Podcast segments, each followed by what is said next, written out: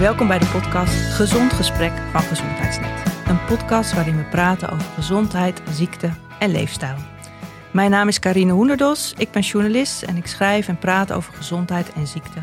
In deze aflevering praat ik met David van Bodegem, bijzonder hoogleraar vitaliteit in een verouderende populatie bij het LUMC. David is werkzaam bij Leiden Academy on Vitality and Aging en je bestudeert onder andere de relatie tussen leefstijl en oud worden. Welkom, David.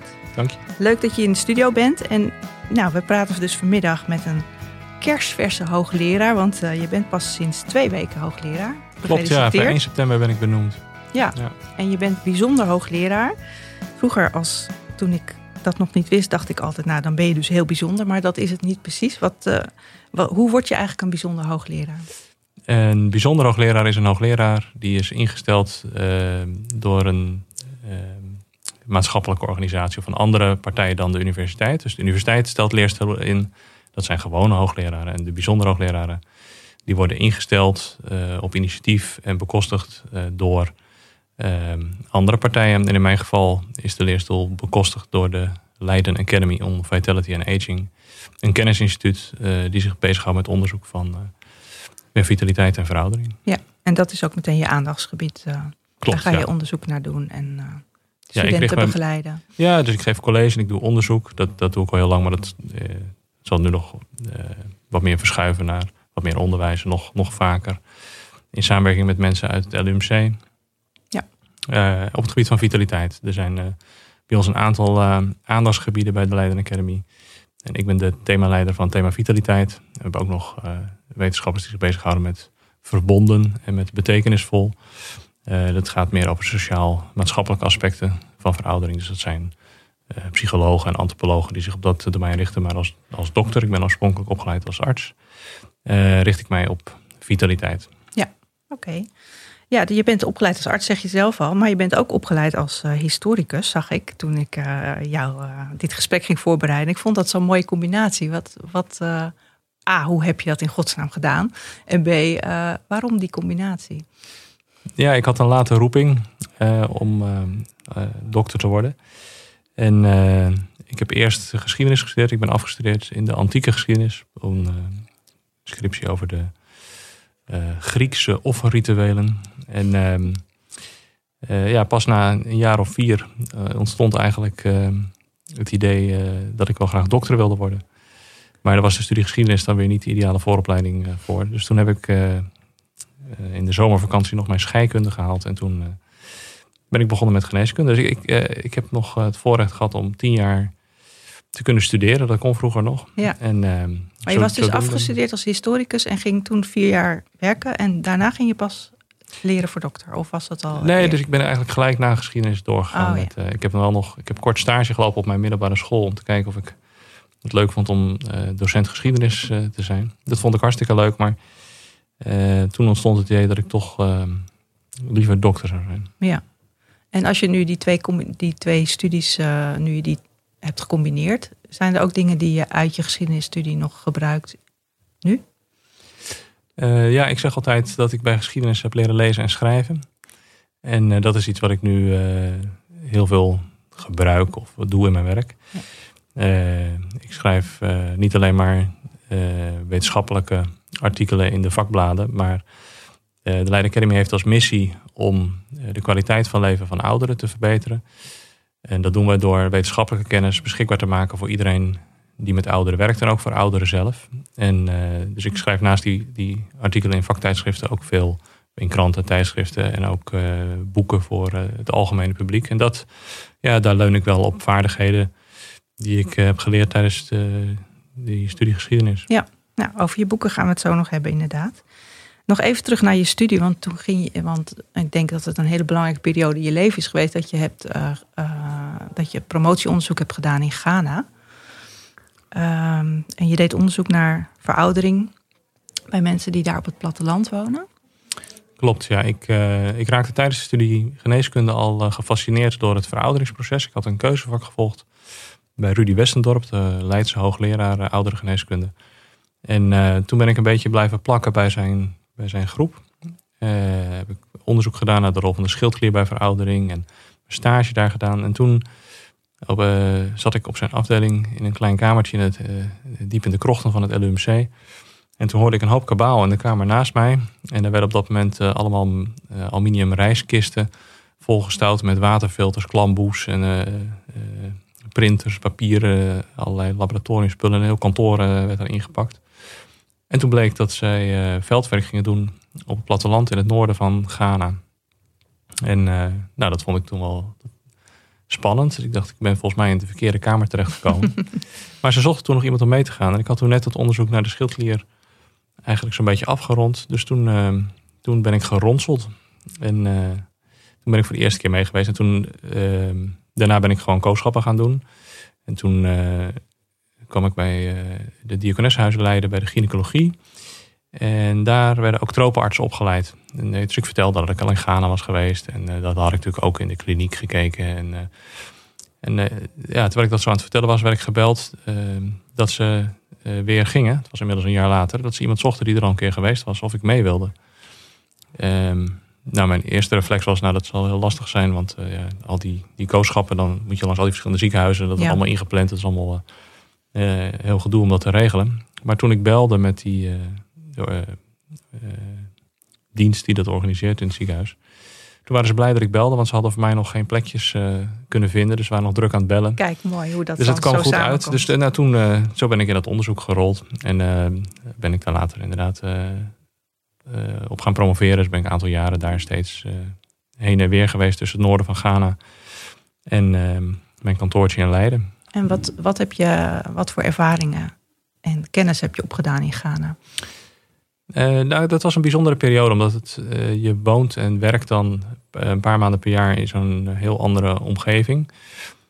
Waar heel anders ook met, met ouderen wordt omgaan. Ouderen hebben daar nog echt status. En ze zijn de eerste die je begroet als je ergens binnenkomt. En, um, en ook um, ja, als jonge dokter zag ik dat dus er is hoge kindersterfte, er zijn heel veel infectieziekten, cholera, tyfus, TBC, Um, mensen moeten heel hard werken op het land. Maar veel van de ziekten die ik uh, hier in Nederland iedere dag in de praktijk zag, diabetes, hart- en vaatziekten, uh, ja, dat was allemaal uh, heel zeldzaam.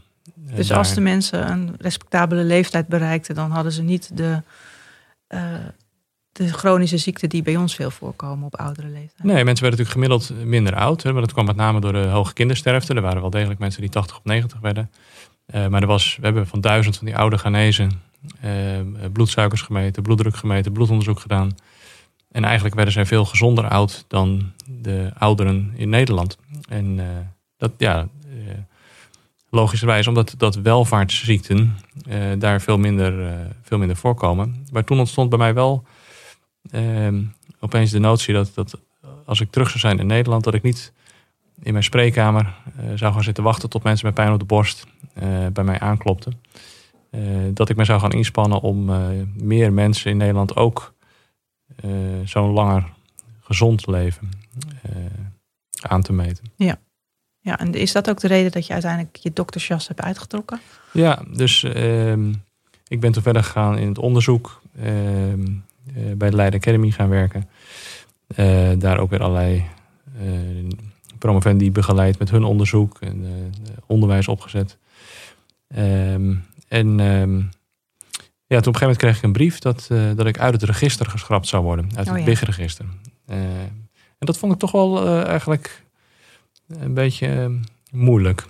Want ja, ik voelde me toch wel een dokter. Maar ja, niet een dokter die wachtte tot mensen ziek waren. Maar een dokter die met gezonde ouderen in de wijk eh, ging kijken hoe die mensen meer in beweging kunnen komen. Dus bijvoorbeeld met, uh, we hebben daar vitality clubs voor opgezet en andere onderzoeken naar gedaan. Um, maar ja, dat wordt dus niet als een, uh, als, als een serieuze doktersactiviteit gezien. En, um, maar ik heb toen wel, uh, ik heb toen nog een examen gedaan. En laten zien ook een, een, hele dag dat ik nog patiënten kan onderzoeken en ehm, uh, anamnese gesprekken kan voeren. En, dus toen is mijn, mijn titel nog, uh, nog voor vijf jaar verlengd. Dus, uh, en hoe ver zijn we nu? Ben je dus nog een dokter? Ja, dus ik ben nog een dokter. Ik, ik, ik kan nog steeds mijn eigen recepten uitschrijven. Okay. Maar Mijn eigen recept uitschrijven. Ja. ik weet niet, um, over twee of drie jaar dan doet zich weer zo'nzelfde vraag voor. Of ik dan nog een keertje die examens ga doen, dat, dat hoeft ook misschien niet meer. Nee, want op zich ben je nu wel op je plek. Ja, nee hoor, daar twijfel ik verder niet over. Ik, ga niet, ik ga niet alsnog weer de witte jas aantrekken en wachten tot mensen met pijn op de borst aankloppen. Nee, het is fijn dat er mensen zijn die dat doen en dat als er mensen zijn met pijn op de borst, dat die goed geholpen worden. Uh, maar uh, ja, voor mij persoonlijk voelt dat uh, alsof, je, alsof je eigenlijk, eigenlijk te laat bent. Ja. ja, want je zei het al van ik schrijf ook boeken voor, de, voor het grote publiek. En een van je eerste boeken is Ontpillen. En dat is ook dat is eigenlijk ook jouw streven als arts geweest? Van uh, ik wil voorkomen dat mensen ziek worden, ik wil voorkomen dat ze die pillen slikken. Nou, dat boek Ontpillen, dat uh, is voortgekomen uit een, serie artikelen die ik in het tijdschrift Zin uh, schreef. En daar zit een katern in het midden, dat gaat over gezondheid, reizen, financiën. En ook over. in, in dat gezondheidskatern had ik dan een, een spread, zoals het dan in de journalistiek heet, eh, en twee pagina's naast elkaar. Eh, en eh, daar besprak ik iedere maand een andere veelgeslikte pil in Nederland. En legde ik uit, nou ja, wat is hoge bloeddruk, hoe werken die pillen. En op die andere pagina ehm, gaf ik dan aanwijzingen wat je zelf kunt doen om je bloeddruk te verlagen met je oh, leefstijl. En, ik heb dan geprobeerd om de, de effecten van die pillen dus bijvoorbeeld bij hoge bloeddruk één dagdosering, dus één pil, door mij even zeggen. Die verlaagt de bovendruk ongeveer 8 mm. Nou, ja, hoeveel minder zout of hoeveel minder uh, uh, koffie, hoeveel meer bewegen, hoeveel, moet je afvallen. Meer groente, hoeveel ja, en, en, wat kun je daarvan verwachten dan? Als ik nou minder drop ga eten, hoeveel daarvan bloeddruk dan? En um, dat was een serie die, ehm, waar ik heel veel reacties op kreeg van mensen. En die, oh, dus dat die serie heet uh, Ontpillen met Dr. David. Dus Dr. David, ik ben zo blij, had ik wel veel jaren eerder geweten. Ik ben zo weer van mijn pillen af en mijn bloeddruk is zo mooi. Nou, uh, of van suikerziekte genezen. En, uh, dus toen heb ik dat uitgewerkt, want er zat toch aardig wat research achter ook. Om, dat lijkt me wel, ja, om juist die cijfers goed te krijgen. Ja, precies. Je doet dan, Want er zijn heel veel studies gedaan naar het effect van koffie op bloeddruk of van zout op bloeddruk. En er zijn zelfs reviews geschreven van al die verschillende studies. En dit was dus eigenlijk een soort review of reviews. Dus ik moest al die de meest recente reviews achterhalen. Kijken of er nog nieuwe studies waren. En dan daaruit... Ehm, en dat nog vertalen in gewone mensentaal. Ja, precies. Ja. En uh, nou goed, dat is uiteindelijk het boek Ontpillen uh, geworden. Maar, ja, dat heeft dus 15 hoofdstukken waar, waar we 15 veelgeslikte medicijnen en heeft dat, boek, heeft dat boek jouw visie op medicijnen veranderd? Nou, ik, ik begin mijn... dus ik geef ook vaak voordrachten over uh, onderwerpen in die boeken ook over ontpillen. En dan het eerste wat ik bij die voordracht over ontpillen altijd zeg. Het is fijn dat er pillen zijn uh, voor mensen die dat nodig hebben. En, en het heeft ons veel goeds gebracht. Dus uh, ja, een goed voorbeeld is altijd de antibiotica natuurlijk. Want het is zo fijn dat, dat je met zo'n blaasontsteking niet twee keer hoeft rond te lopen. of dat als je wat verzwakt of wat ouder bent, dat je van zo'n longontsteking kan genezen. Um, maar ja, als je nou eigenlijk door een moderne leefstijl, een beetje een buikje hebt gekregen, een beetje hoog cholesterol en een beetje te weinig beweegt. En, eh, nou, en dan kun je natuurlijk, uh, ja, daar dus, nou, dan kom je bij de dokter die zegt, nou meneer, het, uh, de, de, de, cholesterol is iets te hoog, pillen voor de cholesterol, bloeddruk is te hoog, pillen voor de bloeddruk, ja. et cetera, et cetera. Um, maar je pakt de wortel niet aan. Nou ja. De wortel van het ehm, kwaad dan, in de zin van die leefstijl pak je niet aan dan. Die leefstijl pak je niet aan. Het zou zelfs zo kunnen zijn dat mensen denken, nou, probleem opgelost. Dan uh, is het buikje niet zo erg. Of uh, hoef, ik niet, hoef ik niet anders te gaan eten. Ik heb immers kalktabletten nu. Hè, dus ja. dan, nou prima. Um, maar ik, ik vond het eigenlijk niet, geen elegante oplossing om het met pillen op te lossen. En niet de beste oplossing, omdat je met gezonde leefstijl uh, veel meer gezondheidswinst toevoegt dan met het trouwslikken van die, uh, van die pillen. Ja. Um, dus het ging mij specifiek om, om pillen die je slikt, eigenlijk om de symptomen van een ongezonde leefstijl weer te corrigeren. Ja, maar dat is waarschijnlijk wel het gros van de pillen die wordt geslikt in Nederland. Ja, dat is de overgrote meerderheid. Zeker ja. de pillen die je iedere dag slikt. Um, ja. Oké. Okay. Um, we gaan even naar een ander boek. En dat is het boek uh, wat heet uh, Tien jaar cadeau. En dat is heel aardig van je dat je de lezer tien jaar cadeau geeft. Uh, dat schreef je ook samen met Rudy Westerdorp. Dat is dus jouw allereerste promotor. Ja, klopt. Ja. En ehm, wat ik zo leuk vind aan het boekje is dat jullie heel praktisch, nou dat het een super praktisch boekje is. En het gaat met name over je omgeving inrichten. Op zo'n manier dat je leefstijl eigenlijk als vanzelf uh, daarin meegaat en gezonder wordt. En in de literatuur noem je dat dus nudging. Um, ik weet eigenlijk niet of jullie die term ook gebruiken in het boek. Ja, we noemen dat wel. Ja. Het is een, een, term die je niet kunt vertalen. Het is altijd niet nee. zo fraai om zo'n Engels woord te gebruiken. Maar het is een duwtje, een por die je iemand geeft uh, in de juiste richting. Soms zelfs zonder dat hij het in de gaten heeft.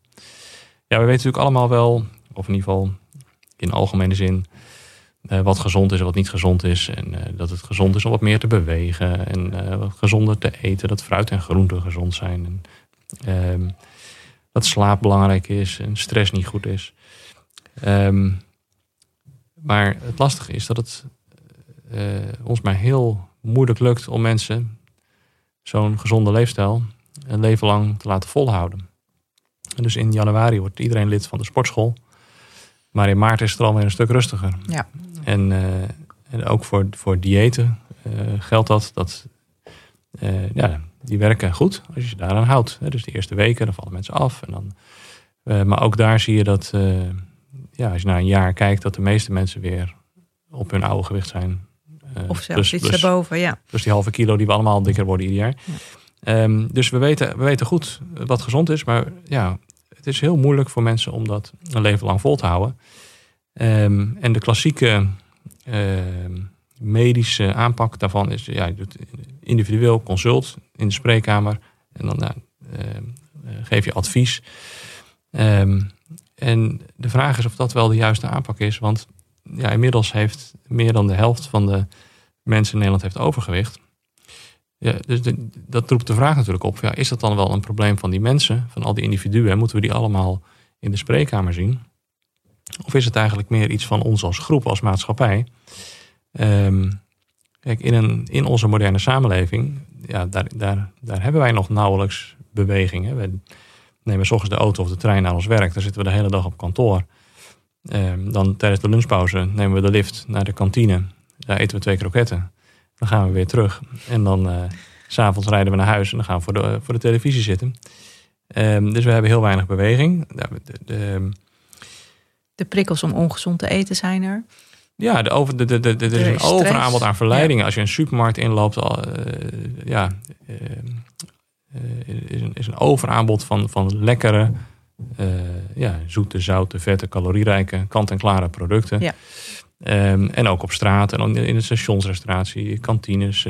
overal worden wij verleid om te eten.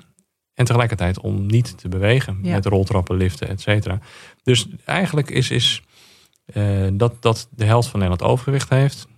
En alle gevolgen daarvan, dat, dat er meer dan een miljoen mensen zijn met ouderdomssuikerziekte, dat hart- en vaatziekte een van onze voornaamste doodsoorzaken is, dat we hoog cholesterol hebben, dat we hoge bloeddruk hebben. Um, ja, dat is niet de schuld van een individu, omdat hij, omdat hij slecht is. Dat is de schuld van de moderne samenleving, de moderne omgeving, hoe we die hebben ingericht met elkaar, met al die kantoorgebouwen, die autootjes.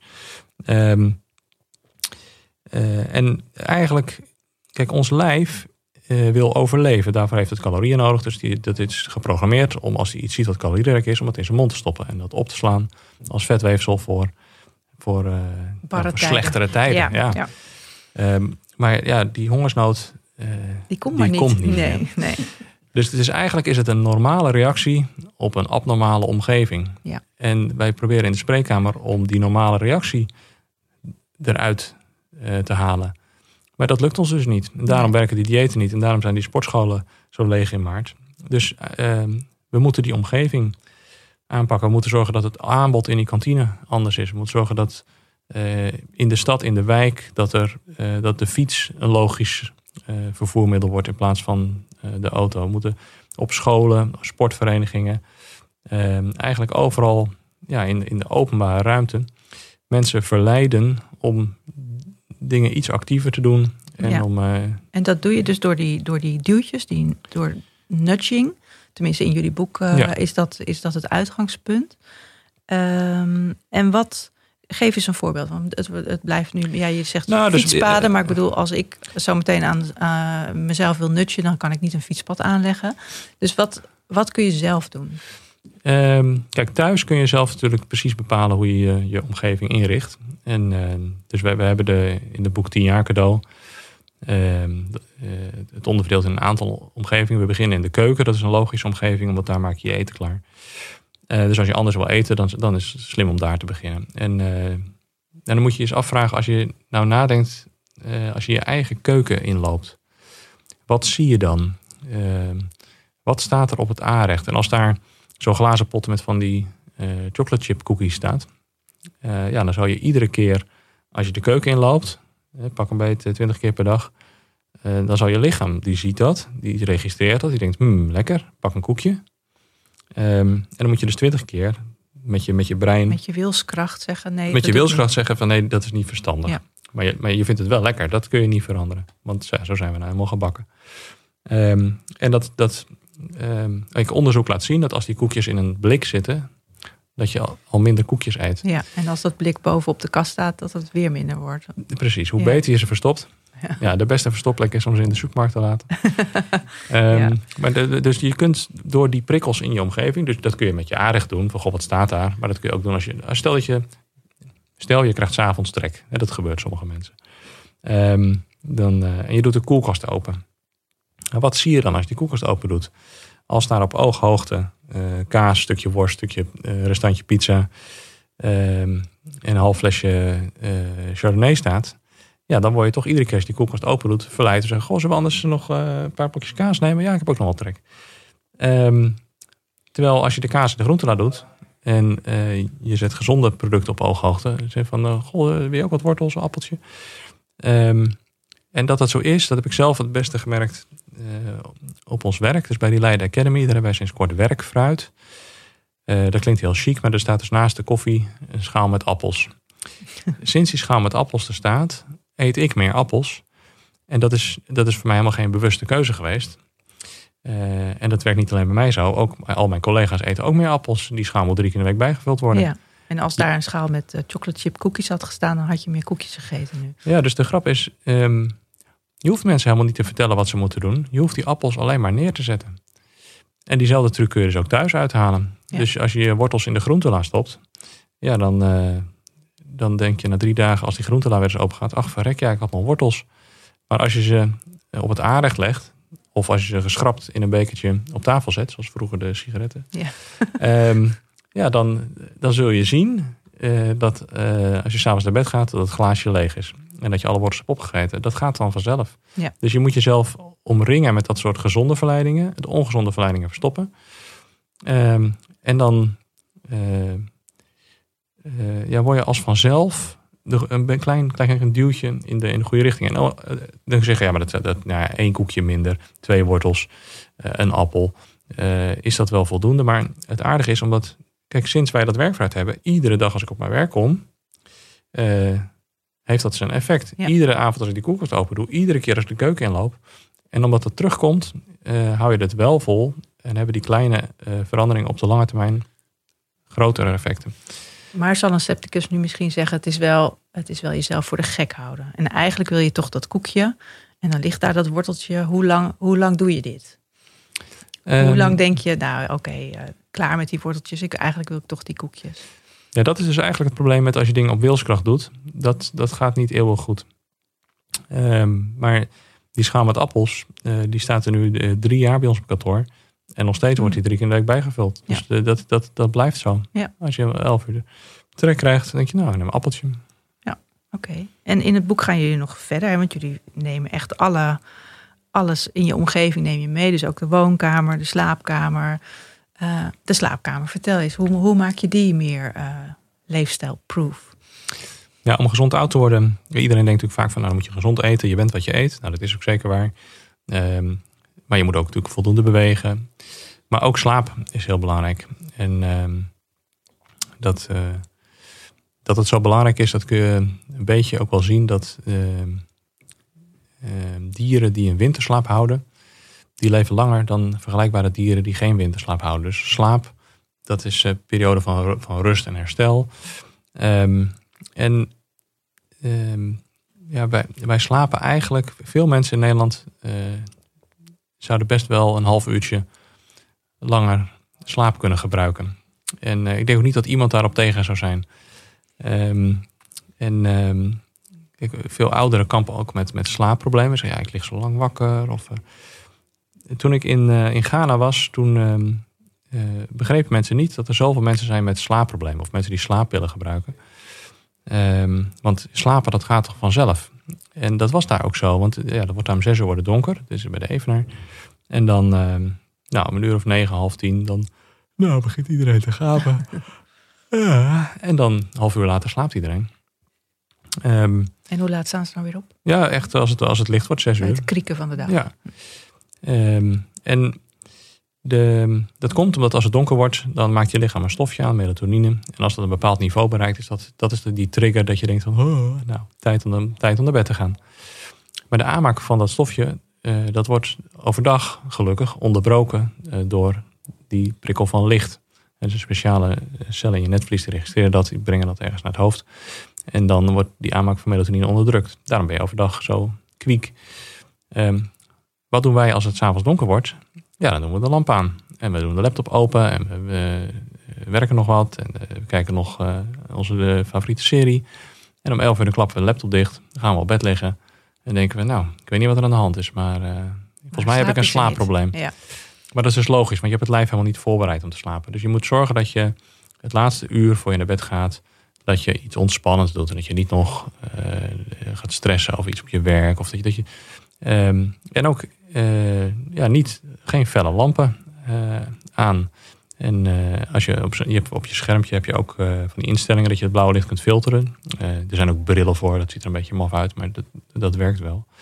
en je moet dus ook zorgen dat er in de slaapkamer geen andere prikkels zijn. Dus geen, geen schermen in de slaapkamer. Niet je telefoon opladen op je nachtkastje. Want dan, als je op bed ligt, dan kijk je nog even hoe laat je morgen ook weer de trein moest hebben. En dan zie je nog een berichtje en dan dat activeert je.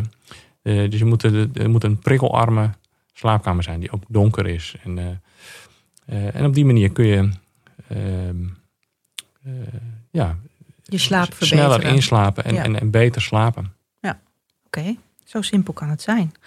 En als het gaat om de werkplek, wat kun je, wat, jullie hebben appels ja. op je werk.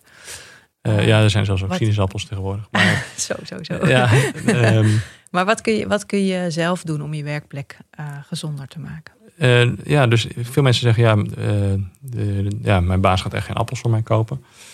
Um, nou, ik heb ik, mijn ervaring is dat als je het vraagt, dat uh, bazen daar vaak best toe bereid zijn. Hm. Ehm, ook als het gaat, dus wij zitten een hele dag op ons werk. Nou, zitten is het nieuwe roken, wordt al een tijdje gezegd. Um, ik heb zelf zo'n bureau wat je ook omhoog kan doen, dat je af en toe even kan staan. Ik vind het zelf wel plezierig ook om een beetje af te wisselen.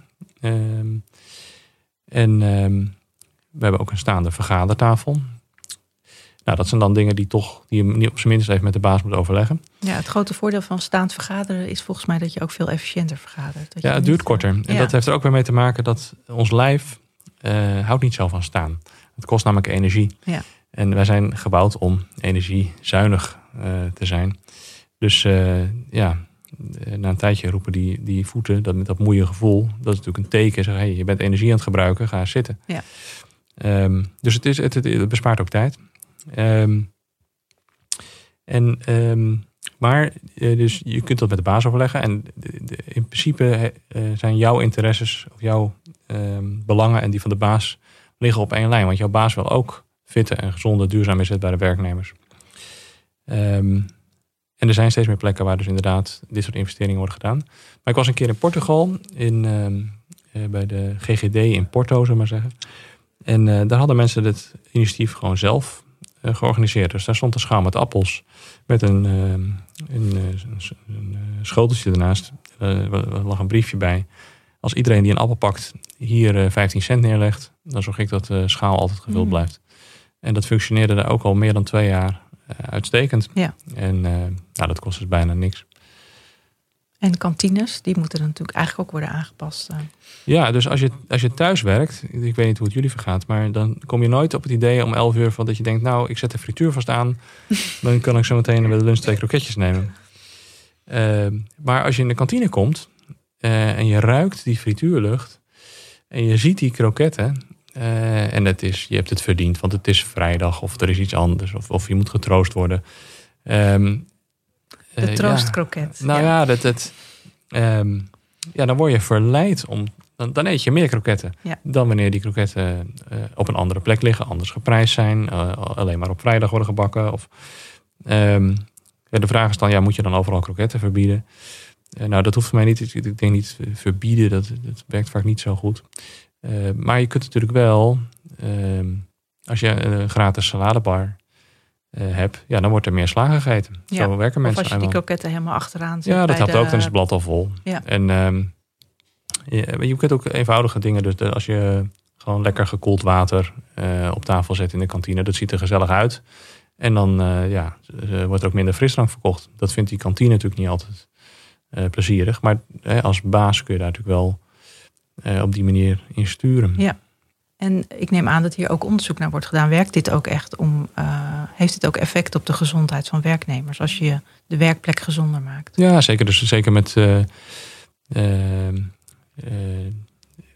de werksetting. Daar is heel veel onderzoek gedaan. Omdat er natuurlijk heel veel bedrijven zijn die ehm, ja, daar ook weer hun business uithalen. En ik was een keer bij een Amerikaans bedrijf. En die gingen echt helemaal eh, all in, zeg maar. Er waren masseurs die hun eh, mensen masseerden. Er was een gratis, eh, kon je gewoon gratis eh, smoothies halen. Een beetje zo'n soort. Silicon Valley-achtige setting, zeg Mhm. maar. En iemand met wie ik was, die zei... Ja, maar dit moet een vermogen kosten. Wat, hoe, hoe financieren jullie dit? En toen liet die man zien dat voor iedere dollar... die zij investeerden in de gezondheid van hun werknemers... kregen ze 4 dollar terug in gestegen productiviteit. En, Mm. en, dus ja, ze konden er eigenlijk niet, niet genoeg in investeren. Want het was een, eh, een, een, een meer dan rendabele investering. Ehm, ja, werknemers die zich goed voelen, eh, die blijven niet alleen tot op hogere leeftijd gezond, maar die, die zijn ook gewoon op een dag ehm, productiever. Ik denk dat het ook wel iets doet voor je werkmotivatie als je het Ook dat, hebt. ja, er werd minder gestolen. Oh. Dat was een van de uitkomsten van het onderzoek. Ehm, dus nou, dat was Geen pennen eh, meer naar huis als je ja, een ja, appel precies. krijgt van je baas. Ja. Dat eh, is interessant. Oh, wat dat grappig. mensen zo werken. Ja. En ehm, nog één dingetje uit dat boek. Want jullie, jullie doen inderdaad de keuken, de woonkamer, de slaapkamer, de werkplek. Ehm, nou, eigenlijk nog twee dingen wil ik doen. De tuin. Eh, want in het boek vertelt eh, Rudy dat hij is verhuisd. Volgens mij woont hij in Denemarken. Ja, Kopenhagen. En dat hij een, een erf heeft. En hij... eh, Ja, toen hij verhuisde naar Kopenhagen, eh, ging hij aanvankelijk in een appartement in de stad wonen. Want eh, ja, nieuwe stad. En, nou, zij zongen een half jaar het mantra van less is more. En wat was het toch fijn. En, eh, ehm, maar toen de lente aankwam, aanbrak, toen, toen ging het toch kriebelen. Dan ben je naar buiten toe en ja, dan zit je drie hoog. Ehm, en toen zei de, volgens mij was de broer van Rudy, zei je, je, je mist erf. En toen eh, hebben ze toch al hun spulletjes in Nederland ingepakt en zijn ze naar een huisje buiten Kopenhagen verhuisd. Met erf. En ehm, ja, dat is een hoop gedoe, want dan moet het gras gemaaid, de heg geknipt en eh, de moestuin. En, eh, ehm, en, en dat is dus juist goed. ja. Want ehm, ja, als, je, als je een tuin hebt, dan eh, moet je er ook in werken. Dan moet je natuurlijk niet zo'n tegeltuin doen zoals je vaak op Funda ziet als je huizen kijkt. Dat eh, zo'n tuin helemaal betegeld is. Je moet wel een eh, gemak dient in dit geval, niet de mensen. Nee, dat is over het algemeen een goede regel. Dus eh, ook, ook in de keuken geldt dat. Dat als je, kijk tegenwoordig, ja, je, hebt, je hebt elektrische blikopeners, elektrische broodmessen. ik had pas een elektrische pepermolen in mijn hand. Ehm, en ook in de supermarkt tegenwoordig, ja, nou, kant-en-klaar maaltijden, die, die, die schappen worden steeds groter. Dat geeft op zich niet. Maar ehm, eh, kijk, ook de groenten die je koopt, die zijn al gesneden. Ehm, en ja, als, als je dat gaat vervangen door van die knijpoefeningen in de sportschool, eh, dat is prima wat mij betreft. Maar als je dat niet doet, ja, dan train je jezelf dus iedere dag net wat minder. En dan, ja, wat je, wat je niet gebruikt, dat wordt minder. Ja. Eh, dus als je, als je tot op hoge leeftijd fit en gezond wil blijven, dan moet je het jezelf niet altijd te gemakkelijk maken. Nee, dus denk ook aan e-bikes en alle andere. ja, precies. Ja, onze vorige gast was Erik Scherder en hij zei eigenlijk hetzelfde. Hij zei van Ja. zo lang mogelijk actief blijven, blijven werken ook. Nou, veel mensen verhuizen op een gegeven moment al naar zo'n ehm, zo'n levensloopbestendige woning. alles gelijk vloers, geen drempels, brede deuren. En, geen trappen. Geen trappen. maar als je dus op zoek bent naar een huis waar je lang zelfstandig kunt wonen, dan moet je op zoek naar een huis wat jou blijft trainen. Dus een trap is eigenlijk juist goed. En dat als je dus in een wat groot huis wat je helemaal moet schoonmaken, dat is ook juist goed. Dan moet je maar iedere keer als je dat doet, moet je dan denken: ehm, dit is mijn ochtendgymnastiek of avondgymnastiek of wanneer je dat ook doet.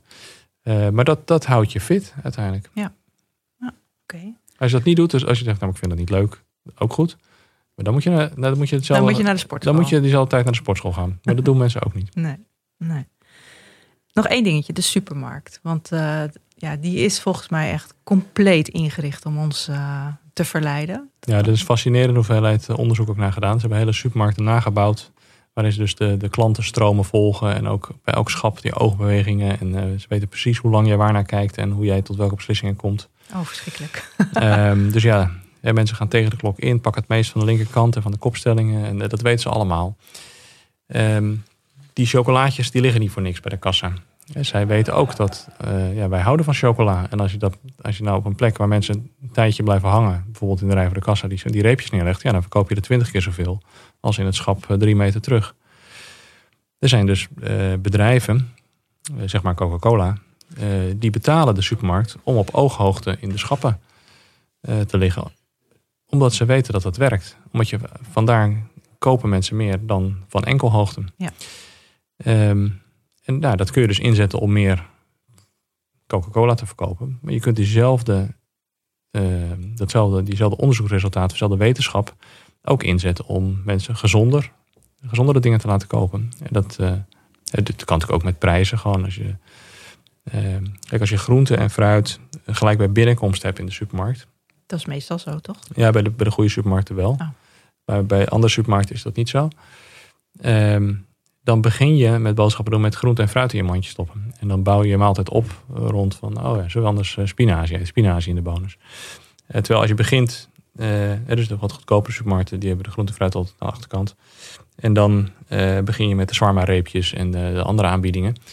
En als die allemaal in het mandje liggen, ja, dan volgen de pieterbroodjes, de saus. En, ja, en dan helemaal op het eind misschien een zakje ijsbergsla voor... ja, ja. Voor, voor, de, voor, het contrast op bord. ja. ja. Nee, maar dus de, de, de supermarkten, nou, supermarkten zijn eigenlijk helemaal niet super. De markt is veel beter. Hm. Eh, de, in, in de meeste supermarkten, in de, in de buitenste schappen, daar liggen de verse producten, bij de, bij de, bij de koeldingen. Ehm, dat gaat nog wel. De groente en fruit, de brood, een stukje kaas. Ehm, maar die binnenste stellingen, uh, ja, dat zijn allemaal producten die uit de fabriek komen, die, die uh, ja, met, met, met, met suiker, zout en vet lekker zijn gemaakt. Ultra-processed food. Die, ja, daar liggen de koekjes, de sauzen, de voorverpakte dingen, houdbare dingen. over het algemeen dingen die veel calorieën geven, weinig verzadiging en weinig, weinig voedingsstoffen. Ja. Meestal ook niet al te veel smaak. Maar nee. Um, dus um, ja, je kunt beter. Hou je aan dus, de buitenste ring in de supermarkt? Nou, de supermarkt moet, eigenlijk moet je hem vermijden. Eigenlijk moet je gewoon één keer de week naar de markt gaan en daar tien komkommers voor een euro kopen. Want als ze er helemaal liggen, dan moeten ze ook op. En zo zijn we dan ook alweer. Ja. Um, dus je moet uh, ja, uh, veel groente kopen. En dan, dan, dan, als je helemaal gekocht hebt, dan gaat het vanzelf op. Okay. Dat geldt voor alles. Dat, dat geldt ook voor een zak chips. Niemand heeft ooit een beschimmelde zak met chips weggegooid. um, als je hem koopt, dan eet je hem op. Dus je moet, oma zei altijd, je moet geen boodschappen doen als je honger hebt. Want dat was niet goed voor je portemonnee. Nou, dat klopt. Als je honger hebt, eet je meer. Um, of koop je meer. Maar je koopt ook ongezondere dingen. Makkelijker, ja. Dus je, ja, je koopt vette, zoete. Ja, want je hebt honger. Dus je, ja, je hebt zin in Calorieën. chips en koek. Ja. ja. Um, dus uh, ja, nou, zo'n lijstje, dat werkt. Uh, en die tip van oma, dat werkt ook.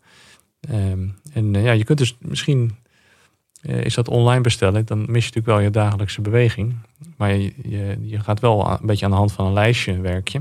En je, je, hoeft niet langs de taart om een halfje brood ja. in je mandje te doen. dus je wordt iets minder snel verleid. voor drop en chocola en ja. Ja, wat die bedrijven ook weer zo slim zijn dat je dan zo'n pop-up krijgt van uh, u neemt een halfje casino wit, wilt u niet uh, twee tompoezen erbij? Ja. Die zijn in de aanbieding. dus uh, helemaal ontsnappen doe je er niet aan. Ja, ja. En ehm, ik ben wel benieuwd naar, nu naar jouw persoonlijke omgeving, want ja, de appels op het werk. Maar heb jij zelf uh, toen je dit boek schreef ook dingen aangepast? En zijn zelf ook voor jou dingen veranderd uh, thuis? Ik heb, um, ik heb twee boeken geschreven met Rudy Westendorp. Het eerste was Oud worden in de praktijk. Uh, wat was eigenlijk een soort, soort aanzet tot, tot, tot dit boek, tien jaar cadeau. En toen dat boek, dat ging ook over nudging. toen ik het hoofdstuk over het openbaar vervoer had geschreven. Toen heb ik de NS een berichtje gestuurd dat ik mijn abonnement opzij en een nieuwe fiets gekocht. Want ik had net in het boek geschreven, nou, als je nou zorgt dat je een fiets hebt die lekker fietst, dan zul je vaker de fiets uh, nemen. Um, dus daar, daar heb ik de daad echt bij het woord gevoegd. en hoe ver woon je van je werk? Nou, ik woon in Den Haag en ik werk in Leiden. Dus dat is toch wel 20 kilometer. Hmm. En ik heb toen een jaar lang iedere dag heen en terug dat gefietst. Ehm, nou, dat doe ik nog steeds wel, maar niet meer iedere dag. Um, en, uh, maar uh, ik zorg wel dat ik uh, voldoende beweging krijg op een dag. En, en wat maakt nu dat, jij, dat het jou lukt? Dat die wilskracht zo groot is dat jou dat lukt? Is ja, dat, ik, zit, ik zit erop natuurlijk. Dus ik ben daar iedere dag mee bezig. Dat helpt ja. om je daar aan te herinneren. Jij en, zit op leefstijl. ja. nee, maar als, ja, als je, God, als je hoogleraar vitaliteit bent. Ehm, en ja, daar zou ik het toch raar vinden als je zelf uh, rokend met een buikje uh, ja. kroketten etend. Nee, dat wil niet. Ik eet best wel eens een kroketten, gaat er niet om. Maar uh, ik vind dat belangrijk. En ik, ja, dus ook, voor me, ook zeker voor mijzelf. Ja, maar zijn er ook ehm, van die kleine nutjes geweest in huis die je, die je hebt toegepast? Ja, er zijn wel. Ehm, dus uh, s ochtends, ik maak het ontbijt staand. Ik, ik, ik, eet het ook staand op. Dat heeft ook gewoon praktische reden. Wat sneller. Ja, dat, dat, er moeten zoveel tasjes ingepakt worden s ochtends. Uh, en een boterhammetjes gesmeerd. Uh, dat, ik, dat ik ook niet de, de, rust heb om erbij te gaan zitten. Uh, maar daarvoor heb ik wel in de keuken een soort van eilandje gemaakt waar ik dan staand aan kan werken. Terwijl ik ook de kinderen zie. En, dus, dus daar heb ik wel in de inrichting rekening gehouden. Toen wij verhuisden naar ons huis ook. Toen we hadden eerst een ander huis op het oog. Dat was vlakbij het station. Toen werkte mijn vrouw nog in Dordrecht. Dus dat was eigenlijk voor ons ideaal, dachten wij. Um, maar we hebben uiteindelijk een huis gekocht uh, dicht bij het strand. En dan moeten we iedere dag een kwartier fietsen naar het station. Mm. Uh, en uh, dus ja, daarmee heb ik mijn half uur beweging al, al, al binnen. Ook al is dat misschien wat, wat minimaal advies. Um, en we zijn dicht bij het strand. Dus ik, ik kom drie, vier keer in de week op het strand. omdat het zo dichtbij is. Dus eigenlijk is dat een veel betere plek dan weer, weer die makkelijke plek. Ja. dichtbij. En ook een veel leukere plek. Ja, oké, duidelijk. Ja. Ik, ik wil even advocaat van de duivel spelen. Want uh, nou ja, ik, ik denk dan steeds van die maatschappij, die zorgt dus dat, uh, of ja, de manier waarop de maatschappij is ingericht, zorgt ervoor dat bijvoorbeeld de helft van de volwassen Nederlanders overgewicht heeft. En dan kunnen we wel met z'n allen kleine duwtjes gaan bedenken voor jezelf. Uh, en dat zal, dat zal ongetwijfeld helpen, daar ben ik van overtuigd. Maar hoe groot is dat effect en heeft het überhaupt zin als die volledige maatschappij maar ingericht blijft op het, op het jou verleiden? Um, is er niet iets groters nodig? Een grote duw? Ja, er zijn mensen die zeggen ja, maar dit moet de overheid toch regelen, want anders wordt het nooit wat. Uh, de overheid speelt hier absoluut een heel belangrijke rol in. Um, maar ik denk niet dat we moeten wachten tot de overheid het voor ons regelt. Dat duurt me gewoon te lang. En uh, je kunt er zelf ook heel veel aan doen. En het is ook in je eigen belang, want je voelt je inderdaad plezieriger en fitter als je uh, ja, net wat de dingen die je toch al doet, net wat iets actiever doet. En, andere dingen net iets gezonder. Um, ja, kijk, ik heb niet de verwachting dat, uh, dat ik over vijf jaar klaar ben met mijn werk. En dat heel Nederland gezond is en tot zijn tachtigste fluitend, fietsend door het leven gaat. Ehm, maar ik denk wel dat we moeten hier iets mee dus de, de, voorspellingen zijn nu dat, dat met name het roken gaat de goede kant op. En dus de overheid heeft een preventieakkoord gesloten. Er allerlei maatregelen. Nou, toch laten prognoses zien dat, dat de, de, de slag tegen overgewicht, die hebben we nog lang niet gewonnen. De prognose is nu dat in, uh, we gaan in, in 2040 naar uh, bijna twee derde van de volwassenen met overgewicht. En we gaan van ruim een miljoen mensen met ouderdomsuiker naar anderhalf miljoen mensen met ouderdomsuiker. In de Verenigde Staten is de voorspelling dat in 2050 1 op de 3 volwassenen suikerziekte heeft. Type 2. Um, ehm, als wij, dat, als wij niet die trend achterna willen, ja, dan zullen wij in actie moeten komen. En ehm, dat, ehm, dat gaat ons niet lukken met het, het medische model waarbij wij uh, individuen in de spreekkamer. Want nou, inmiddels moet dus de helft van Nederland dan langskomen. Ja. En die moeten allemaal op consult en dan allemaal advies krijgen. Maar dat advies is in 90% van de gevallen hetzelfde. Ja, Ja. Minder ongezonde dingen eten. Ehm, en dat is moeilijk, want ons lichaam wil dat. Dus het- ik vind het A onterecht om mensen daar de schuld van te geven. En zeggen dat het aan hun ligt en aan hun gedrag. Ehm, maar daar moet je wel een alternatief tegenover stellen. En ik denk dat, dat ehm, de omgeving daarvoor eigenlijk de meest geëigende kandidaat is. Die verleidt ons. Daar kun je makkelijk invloed op uitoefenen. In ieder geval thuis en ook op je werk en ook op school. Ehm, en en dat, dat zal niet voor iedereen, maar dat zal. eh, dat is wat mij betreft een van de meest kansrijke. Ja, en jij eh, vindt toch van dan manieren moet je maar gewoon zelf beginnen. Want als we moeten wachten op overheid en eh, levensmiddelenfabrikanten en planologen die fietspaden moeten aanleggen, dat gaat allemaal te lang duren. Begin alvast zelf. Nou, ik ben, ik ben van nature, of van persoon ben ik gewoon ongeduldig. Eh, dus ja, ik laat me gewoon, doe het maar gewoon vanaf morgen. Hè. Zet, zet maar die schaal met appels neer op je werk. Of eh, de, de- zet de wortels op ooghoogte, haal ze uit de, uit de, de groentela. Ehm, maar ehm, er zijn ook mensen die zeggen, ja, die farmaceutische industrie of die multinationals. Food, ja. ja. Eh, Nou, dat, dat vind ik ook wel erg eh, negatief gedacht. Dus de, de, er zijn natuurlijk de laatste jaren al heel veel goede initiatieven eh, geweest. Hè. Dus de, de, de, het aanbod in supermarkten is al veel gezonder dan het was. Eh, de, de, de sigaretten zitten achter flapjes, eh, die worden duurder. Eh, de, nou, ik denk eh, absoluut als het aan mij zou liggen, zouden die maatregelen nog veel verder gaan. Ehm, maar dat is uiteindelijk eh, dat is een politieke keuze. En eh, ik denk wel dat we langzaam opschuiven. En ik, ik eh, ben ook best optimistisch dat we eh, nog een stuk gezonder oud eh, zullen worden in Nederland.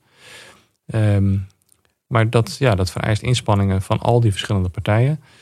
Ehm, maar als al die partijen niks doen, dan nog kun je het zelf regelen door te zorgen dat de omgeving waar jij iedere dag bent, jou verleidt tot iets gezondere keuzes. Oké. Ik heb nog één onderwerp voordat we afsluiten. Of eigenlijk nog twee. Het eerste onderwerp is eh, dat jij onderzoek doet naar ehm, mensen die samen sporten. Het, het peer, eh, hoe noem je dat? Peer coaching. Peer coaching. Ja, dus peer is dan. Ja, een peer is een gelijke, dat is weer zo'n woord wat moeilijk vertaalbaar Ja. is. Dat is een gelijke, iemand die eh, iets met jou gemeen heeft. In dit geval gaat het om leeftijdsgenoten. Dus iedereen kent de, de, de onderzoek dat, dat peers die zorgen dat jij gaat roken. Peer pressure. Ja. Omdat jouw vriendjes roken, ga jij roken. Eh, maar het werkt dus ook andersom. Want eh, mensen met gezonde gewoontes kunnen ook anderen besmetten met gezonde gewoontes. Eh, en ik was een keer een avond in Nieuwsport, hield ik een lezing over het belang van bewegen voor ouderen.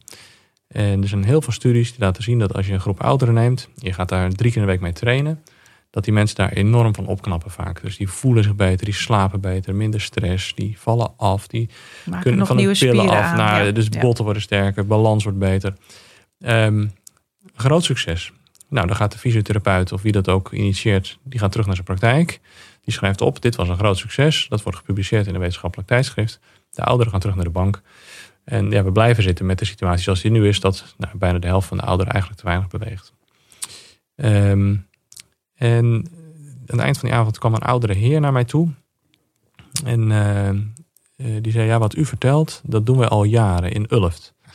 En eh, hij legde uit dat daar was geen professional bij betrokken. Er waren gewoon ouderen die dat zelf hadden opgepakt. En die, die vijf dagen in de week, om negen uur s ochtends, bij elkaar kwamen om samen te bewegen. En dat vond ik interessant, omdat, omdat er geen professional bij betrokken is. Kijk, als we de helft van Nederland in van die clubjes, in van die interventies moeten stoppen, dan heb je heel veel van die therapeuten nodig. En die moeten allemaal opgeleid worden, dus dat, dat duurt lang. Kost, kost veel geld. En kost Ja. veel geld. En dat Ja. zijn dus structurele kosten, want die moeten iedere, iedere maand moeten die betaald worden. Maar dit eh, kostte niks, want er werd door die vrijwilligers gewoon georganiseerd. Eh, en zij deden dat buiten. Dus je had ook geen sportschool. Wat je nodig had was iemand die ook zin had en schoenen. En dan kon je samen naar buiten. Ehm, en ehm, nou, ze deden dat al zes jaar. En 90% van de mensen bleef ieder jaar lid van die club. Nou, daar was uh, menig sportschool natuurlijk uh, extreem jaloers op. En dat was ook in maart nog zo. Ja, precies. niet, niet het hele jaar door. Ja, en ehm, dus ik heb een van de promovendi die ik toen begeleidde, heb ik daarheen gestuurd. En heb ik als soort antropoloog daar laten meesporten en laten praten met die mensen. En hebben onderzocht wat nou het, wat, ze daar doen. Wat, wat doen ze daar nou? Wat, waarom het zo succesvol is. Um, en vervolgens hebben we gekeken, is dat iets? Want ik, ik dacht, ja, iedere wijk moet zo'n club hebben. Hmm. Ehm, en uh, hebben in drie wijken in Leiden, een beetje een wat chicere wijk en een beetje meer een soort achterstandswijk, hebben die, um, die clubs gestart. En um,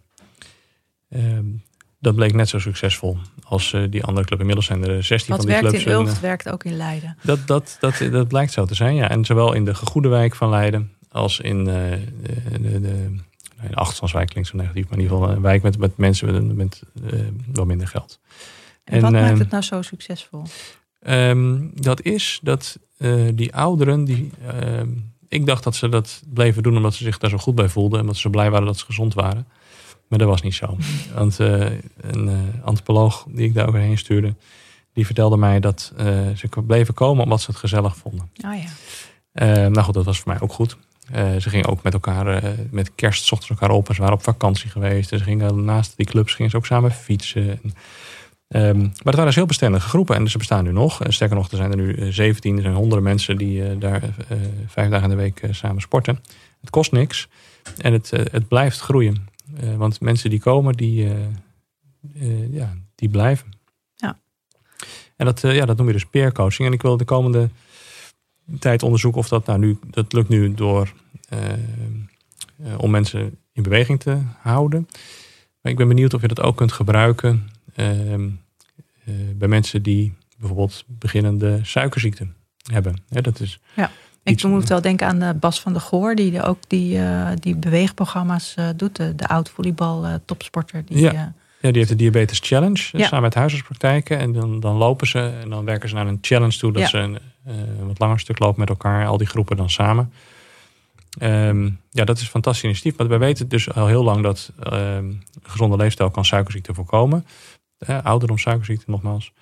Um, en de laatste jaren is onomstotelijk vast komen te staan dat je beginnende type 2 diabetes kunt omkeren. Dat je dat, dat met leefstijl kunt genezen. Ja. Hè? Wat we altijd met pillen en, en uh, later insuline-injecties hebben behandeld als een chronische ziekte, kun je gewoon omkeren. En ja, dat uh, het, ook voor mensen met beginnende diabetes zou zo'n uh, peercoach interventie denk ik heel waardevol zijn. Want ze allemaal in hetzelfde schuitje zitten. Het zijn ja. echt peers van elkaar. Um, dus ik ben benieuwd of je dat ook niet alleen met gezonde ouderen, maar ook met ouderen in een iets meer in een zorgsetting kan doen. He, dus de, de, waar het ook wordt gebruikt is bijvoorbeeld bij de anonieme alcoholisten. Dat zijn mensen, oh ja. het zijn ook peers, die hebben allemaal hetzelfde doel. En die, daar komt ook geen therapeut bij kijken. Dat kost ook niks. En uh, ja, dat in 150 landen levert dat miljoenen mensen gezondheidswinst op. Dus ik denk dat dat breder ingezet kan worden. En, uh, ja, en ja, dat is ook dat... iets wat je, nou, als je hier naar luistert, zou je dit uh, morgen kunnen starten met een groep mensen. Ja, van zullen ja. wij, ik wil meer bewegen, jij ook. Oké, okay, ja. laten we elke ochtend om negen uur gaan wandelen. Precies. Ja. Dus, moeilijker hoeft het niet te zijn. Nee. En, ehm, en omdat het dan gezellig is, en om, ook omdat je natuurlijk die pressure hebt van oké, okay, als zij, als ik niet ga, dan is zij teleurgesteld. Of dan staat ze daar alleen. Dus, de, ja, dan... dus we hebben net gesproken over hoe belangrijk de omgeving is. Ja. De sociale omgeving is voor mensen minstens zo belangrijk. Dus door lid te worden van een clubje. Of door inderdaad uh, door te gaan lunchwandelen met een collega. Ja. Als je dat eenmaal uh, erin hebt zitten, dan krijg je dat er niet zomaar meer uit. Nee, mooi. Oké, okay, dan nu echt het laatste onderwerp. En dat is uh, de toekomst. Want je zei net al van nou, over vijf jaar zie ik nog niet gebeuren dat, dat iedereen gezond 80 wordt. Maar wat zijn jouw, want je bent net hoogleraar, wat zijn nu jouw plannen voor de komende vijf jaar?